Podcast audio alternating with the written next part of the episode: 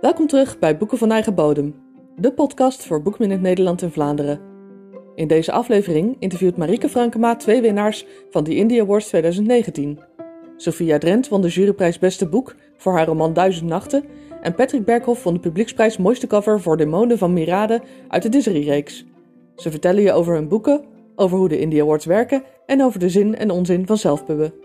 We wensen je veel luisterplezier met dit lekker lange interview.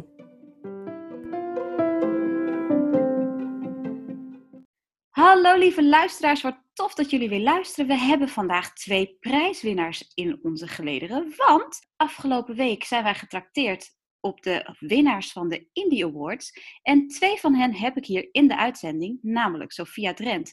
En die heeft de juryprijs voor het beste boek gewonnen. En we hebben Patrick Berghoff en die heeft de publieksprijs voor de mooiste boekcover gewonnen. Jongens, van harte gefeliciteerd en super tof dat jullie hier zijn.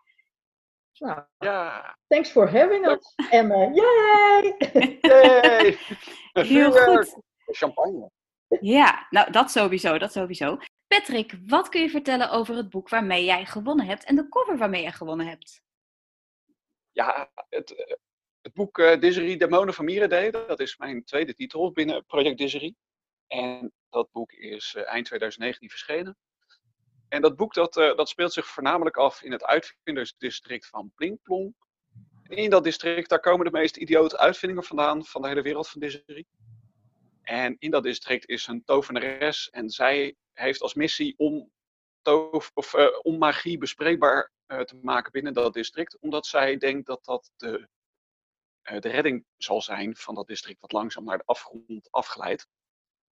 dus zij heeft een demonstratie van haar magie, maar dat loopt gruwelijk uit de hand.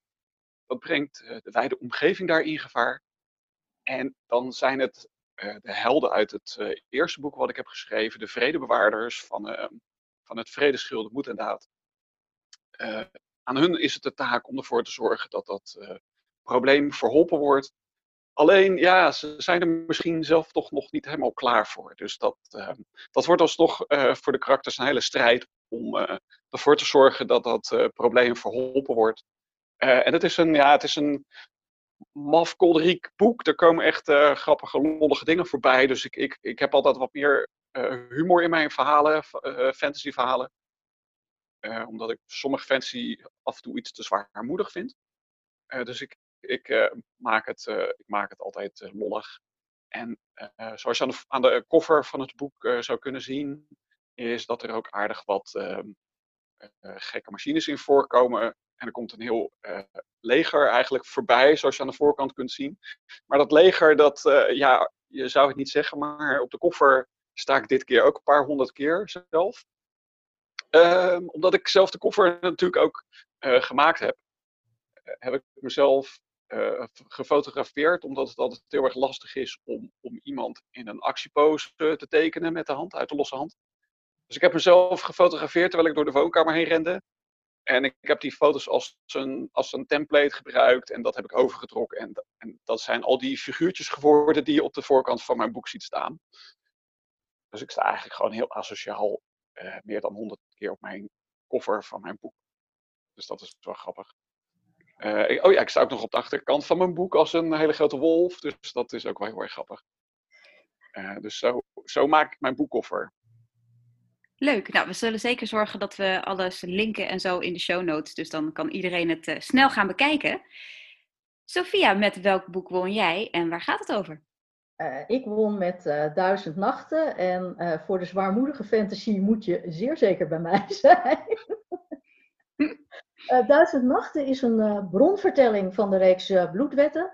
En in de bronvertellingen um, ga ik gaan over de geschiedenis van bijpersonages. Over hoe zij vampier zijn geworden. Um, en Duizend Nachten gaat over uh, Madame Lasseur, die wij in uh, Bloedwet, uh, Vonnis en Verlossing leren kennen als een grote manipulerende sloerie die altijd krijgt wat zij hebben wil. Maar in Duizend Nachten is zij nog gewoon een sterveling. En ja, waarom neemt zij het risico Want bij mij is vampier worden niet alleen maar leuk. je loopt ook het risico om monsterlijk te worden qua uiterlijk. En zij is, staat bekend als de mooiste vrouw op aarde. Dus dat is niet even iets wat je tussen neus en lippen door doet.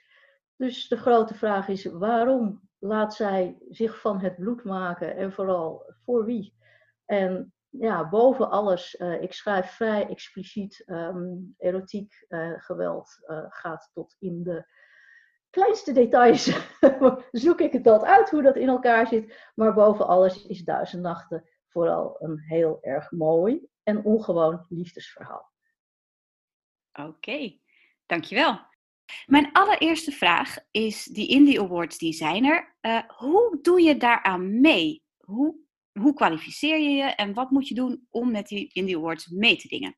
Uh, de Indie Awards die hebben een uh, eigen we een website en in, volgens mij worden in november wordt de competitie geopend. En dan kan je je eigen boeken, um, ja, omdat het voor self-pubbers is, uh, moet, je, moet je jezelf eigenlijk voordragen.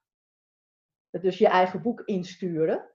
Uh, of het publiek kan het doen voor jou. Nou, nu ben ik zo wantrouwend dat ik het altijd zelf maar doe. Als je geen uitgeverij hebt die het voor je doet, je bent je eigen uitgever, moet je het zelf doen. Uh, dus dan kan je je boeken op de longlist laten zetten. En daar zijn wel een paar kwalificaties voor, dat het uh, wel behoorlijk Nederlands moet zijn en zo. En in het, in het jaar dat de prijs waarover de prijs gaat dat het boek is uitgegeven. Um, nou, worden, de longlist wordt bekendgemaakt. Daaruit wordt een shortlist gekozen door een jury. En er is een uh, publieksstemming. En dat gaat over alle boeken die op de longlist staan. Juist. Dus jullie hebben je allebei zelf aangemeld afgelopen jaar? Patrick, uh, jij ook? Ja, ja, dat heb ik vorig jaar gedaan. Uh, ik, ik, het was eigenlijk voor het eerst dat ik meedeed, dus ik wist ook niet zo heel erg goed uh, wat ik ervan moest verwachten. Maar ik had me opgegeven, omdat toevallig toen ook net mijn nieuwe boek uitkwam. Uh, Demonen van Mirendee. Dus ik dacht, nou, dat, ik ga het een, een shot wagen. En dat, ja, dat heeft goed uitgepakt. Ja, nou, zeker. Ja, tof. Wat komt er eigenlijk allemaal kijken bij het zelfpubben van een boek? Want we hebben heel veel luisteraars die zelf ook schrijven en die ook denken van, goh, ik wil graag een boek de wereld in. wat, wat voor verrassingen heb je eigenlijk gekregen, zeg maar? Op het moment dat jij besloot om te zelfpubben, zijn er uh, dingen geweest waarvan je dacht, oh, daar had ik eigenlijk even niet bij stilgestaan dat, er, dat dat er ook bij kwam kijken? Hoe lang is je podcast? oh ja, ik, ik hoor vervolgen aankomen. nee, het is, het is echt. Nou, het is uh, het zelf uitgeven van een boek, dat is natuurlijk gewoon één groot avontuur. En het, je doet een stap vooruit en je doet eigenlijk weer twee stappen terug. Omdat alles wat je tegenkomt op je pad, dat, uh, dat is nieuw en, en, en, en, en verrassend. En het is, omdat ik er zelf ook toen nog niet zoveel van wist. Ik, ik, wilde wel alles zelf in eigen beheer doen en ik wilde zelf alles onderzoeken. En dat is natuurlijk mijn handicap, dat ik gewoon ook alles zelf per se wil weten hoe het werkt. Dus daar ging vooral idioot veel tijd in zitten. En het, het begint bijvoorbeeld al met het uitzoeken van hoe, hoe doe je een ISBN-nummer? Of hoe, uh, hoe werkt dat als je je boek in een boekenwinkel wil krijgen? Of, of hoe werkt dat met Centraal Boekenhuis? Dat soort dingen. Nou, dat, ja, dat, dat zijn van die dingetjes die ik eh, eigenlijk het liefst van tevoren al had willen weten.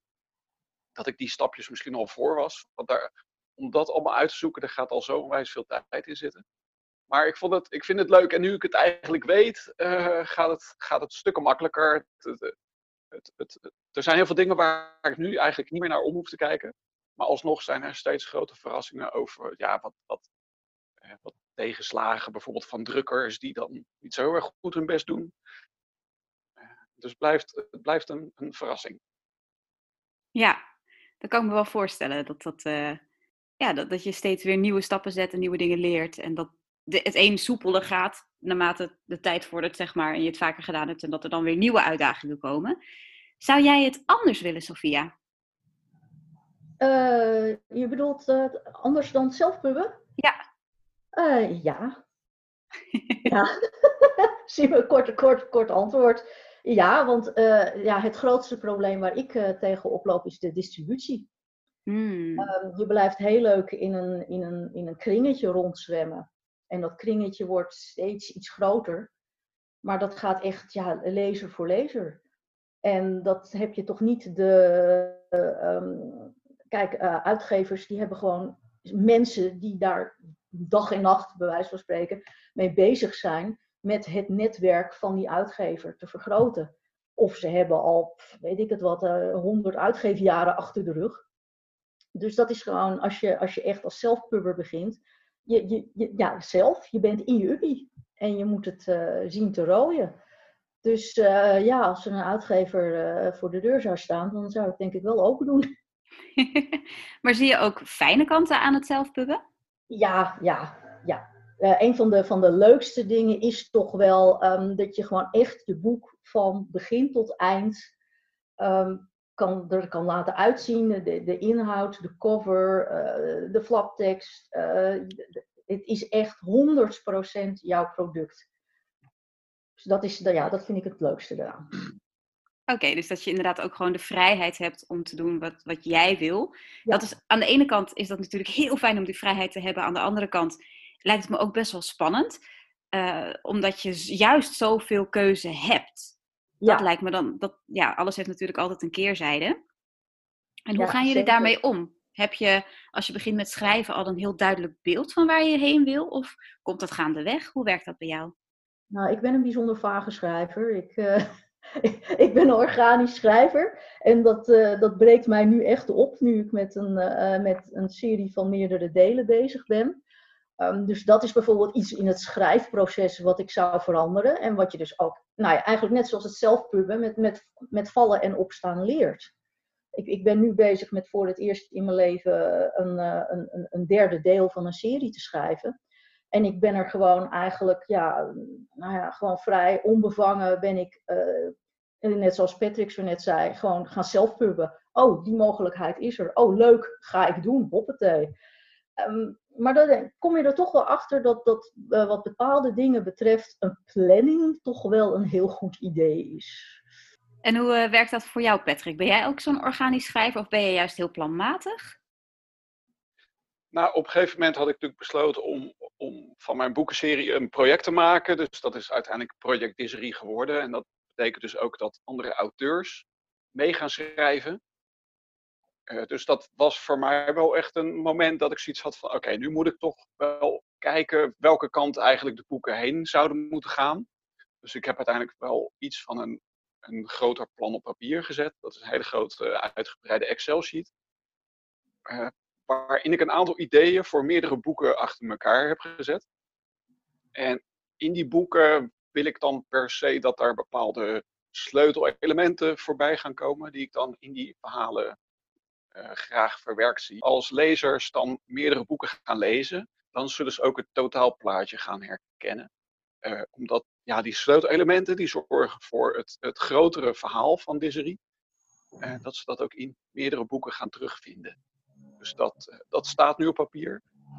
En dat zijn van die sleutelelementen of sleutelmomenten die ik dan andere auteurs kan geven als zij hun verhaal willen gaan schrijven voor uh. Tof. Ja, ja, het is ook heel bijzonder dat jij inderdaad meerdere mensen bij jouw project haalt. Dat, uh, dat is heel bijzonder. Ik, ik ken het wel uit, uh, uit bijvoorbeeld van The Spirit Animals. Dat is een, een Engelstalige jeugdserie waar ook meerdere auteurs aan geschreven hebben. En het is super tof dat jij dat ook doet. En dat het op die manier heel verfrissend blijft. Maar tof ook dat, dat het één eenheid blijft. Doordat je die sleutelelementen nou, een soort van verplicht stelt. Maar in ieder geval zorgt dat die er allemaal in zitten. Tof. Wat heeft een goed verhaal volgens jou nodig? Ik denk gewoon een duidelijke structuur. Ik, ik, lees wel eens boeken die dan zo afwijken van een, van een duidelijke organische structuur, die eigenlijk elk boek wel enigszins zou moeten hebben. En dat zorgt er zo voor dat, dat een boek op de een of andere manier, in mijn geval, eh, als ik een boek lees, dat ik, dat ik het gewoon te verwarrend vind en dat ik dan op een gegeven moment afhaak. Want die structuur die kan er ook voor zorgen dat er een bepaald ritme in een verhaal komt. En dat, dat uh, leest gewoon een stuk prettiger. Dus ik, ik denk sowieso dat als een verhaal een duidelijke structuur heeft, dan kan je binnen die structuur zo gek doen als je wilt. Um, maar dan nog blijft het gewoon een mooi concreet uh, verhaal. Dus ik denk de structuur dat dat, dat, dat essentieel is. Oké, okay, wat denk jij, Sophia? Of wat vind jij? Of wat gebruik jij? Personage. Nummer één. Uh, en dan het liefst vanaf de eerste bladzijde dat je met iemand meeleeft. En uh, dat je ja, dat hele boek bij iemand wil blijven. En het liefst nadat de laatste bladzijde gelezen is, dat je, nou ja, dat je nog steeds bij die persoon wil zijn. Dus ja, dat is echt mijn boek. Eigenlijk vanaf het eerste woord mensen binnen hengelen met, uh, met een sterk personage. Ja, dat heb je met, met, met Madame natuurlijk heel goed neergezet, omdat je natuurlijk ook al die kleine dingetjes altijd op Facebook plaatst. Ja, dat, ja, dat klopt. Ja, ja, ja. Madame die woont bij mij uh, in huis in. En uh, nou, het boek is nu net een jaar uit, maar ze gaat maar niet weg. Maar ja, het nadeel daarvan wel, hè, kijk, dat is natuurlijk gewoon uh, colder. Dat zijn leuke verhaaltjes die ik echt letterlijk uit mijn duim zuig.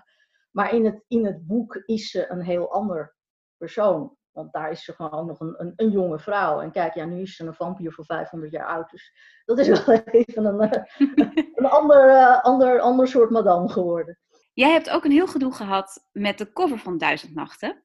Vertel, hoe is dat in zijn werk gegaan om die cover te maken voor jou? Uh, nou, de cover maken is op zich niet zo uh, moeilijk. Want ik heb een, een vormgever die een heel sterk logo heeft ontwikkeld. Um, heel herkenbaar. Dus eigenlijk het enige wat ik nodig heb is een goede foto. Um, nu ging dat, ja, nee, ah ja, Duizend Nachten was daar ook gedoe over. Punt 1 is het vaak al, dan vind je een foto, maar om dan de fotograaf te vinden, dat is dan weer een ander verhaal. Uh, of die op te sporen.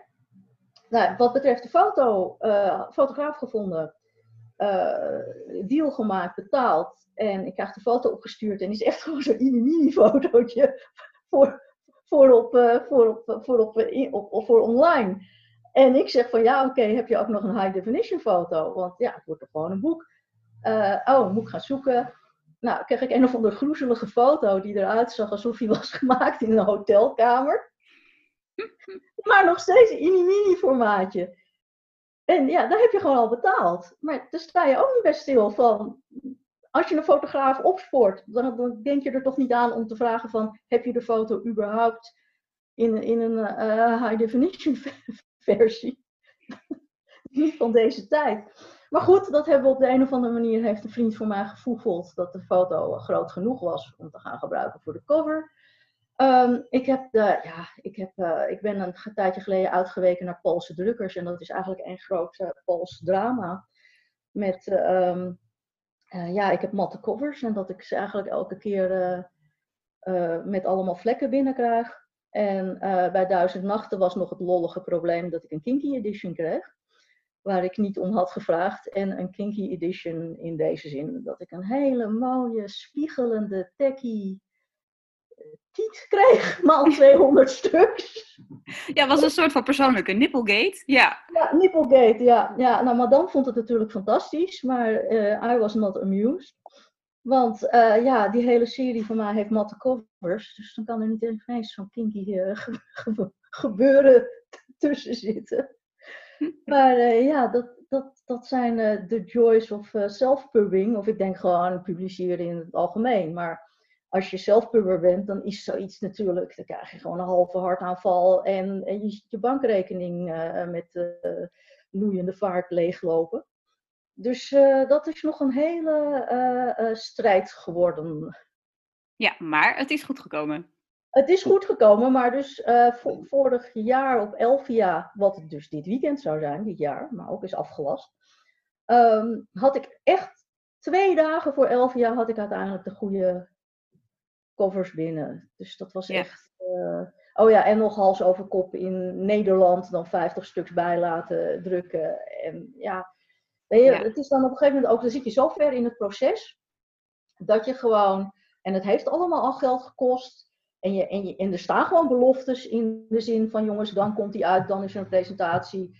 Uh, ja, dat, dan moet je, dan moet je dat is eigenlijk denk ik een van de belangrijkste dingen om een succesvol zelfpuber te zijn. Dan moet je durven aanpakken. Ja. En dan moet je, moet je niet zeggen van, oh jee, het kost weer een paar honderd euro, terwijl het al, nee, gewoon hop doen. Ja. Maar ja, je bent wel tien jaar ouder tegen de tijd dat het boek is. ja, ja, ja, ja, zo gaat dat, ja. Patrick, wat is volgens jou uh, nodig om een goede cover te maken? Of een goede cover te hebben? Uh, het eerste waar ik altijd naar kijk is of de koffer er goed uitziet, ook in het formaat van een postzegel. Om, omdat boekoffers die worden tegenwoordig heel erg uiteraard ook online verkocht. En online uh, worden ze eigenlijk altijd vertoond in het formaat postzegel, zeg ik altijd maar. Uh, en zelfs dan moet die echt een eyecatcher zijn. Dus als dan uh, de titel er niet uitspringt, of bijvoorbeeld jouw auteursnaam of een belangrijk element van je cover, als je dat dan al niet ziet, uh, dan denk ik dat je gewoon geen goede cover hebt. Dus wat ik altijd doe is, als ik hem bijvoorbeeld opmaak in Photoshop, uh, dan heb ik aan de rechterkant bijvoorbeeld zo'n zoomvenstertje en die is automatisch eigenlijk al heel erg klein formaat. En dat vind ik altijd een hele belangrijke leidraad. Als, als die daar al niet goed overkomt, een koffer, als daar al bijvoorbeeld de kleuren niet spreken of die titel niet zichtbaar is, dan, dan ga ik er net zo lang aan pielen totdat dat wel goed is.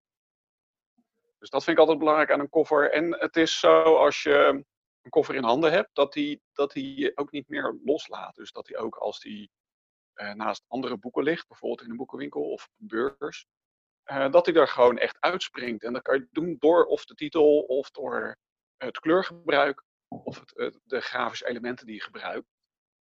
Uh, dus ik vind dat, ik, ik ben altijd wel echt een, een koffer uh, fetischist geweest. Dus als ik door boekenwinkels heen loop, dan, dan ik zou een boek, een boek willen kopen omdat hij een mooie boekcover heeft, bijvoorbeeld. Uh, dus ik, ik, ik vind sommige koffers, die vind ik dan echt zo waanzinnig, dat ik gewoon het boek koop terwijl ik niet eens weet waar het boek dan over gaat. en er zijn, uh, zeker in het fantasy genre, daar, zijn, daar, daar, komen de laatste tijd ook zulke schitterende boekcovers voorbij, dat ik, dat ik het gewoon niet kan laten. Dat, ik, ik moet dat hebben. Uh, dus ik heb ook al een aardige collectie boeken die ik eigenlijk gewoon niet gelezen heb, maar waarvan ik de covers gewoon heel erg mooi vind. Dus dat, uh, of, of, als een boek bijvoorbeeld hardcover is of zo, of, of er is iets met, met goudprint of, of iets met een gloss gedaan of zo. Ik, ja, dat, daar, daar, daar ga ik echt pad voor. En dan koop ik gewoon een boek. Ja. Uh, dus ik denk dat, dat, dat belangrijke elementen zijn voor een goede koffer, is dat het, dat het, dat het eruit springt. En dat kun je doen door, door kleur of titel. Ja, helder. Wat goede tips, die had ik nog niet gehoord van uh, zo klein als een postzegel. En uh, super tof, dankjewel. Alsjeblieft. Ik wil jullie hartelijk bedanken voor dit interview. Ik heb uh, nieuwe dingen geleerd, ik heb ervan genoten. Ik hoop dat iedereen jullie even wat extra aandacht geeft nu jullie die prijzen gewonnen hebben natuurlijk. Super, ja, hartstikke bedankt. Dank, dankjewel, jij ook Marieke, voor, dat, voor dit interview. Heel erg leuk dat je ons gevraagd hebt om, om te komen. Tuurlijk. Uh, ja, ik hoop dat heel veel mensen waanzinnig fan gaan worden van deze ring natuurlijk. Uiteraard, uiteraard. Daar gaan we blog natuurlijk. Ja, en van, ons, uh, van onze podcast, yes. Podcast Goed, natuurlijk. Ja. het is podcast, ja. Ja, Hey jongens, hartstikke bedankt. En uh, ik zie jullie uh, hopelijk binnenkort, zodra 1 september voorbij is, gewoon weer op een beurs, hoop ik. Oké, okay. hey, dank jullie wel. En tot een volgende keer. Bye bye. Doei doei. Doei.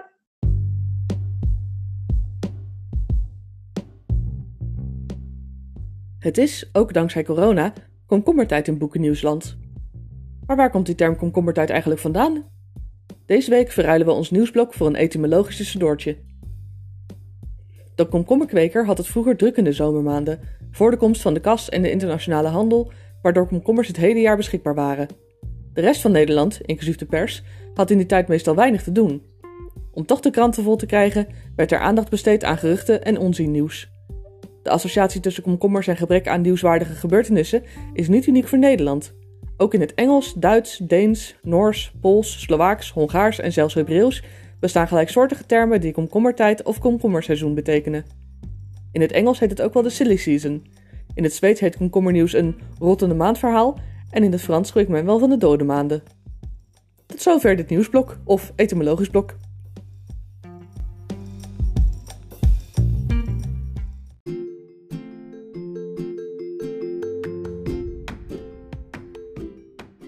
Vond je dit een interessante aflevering?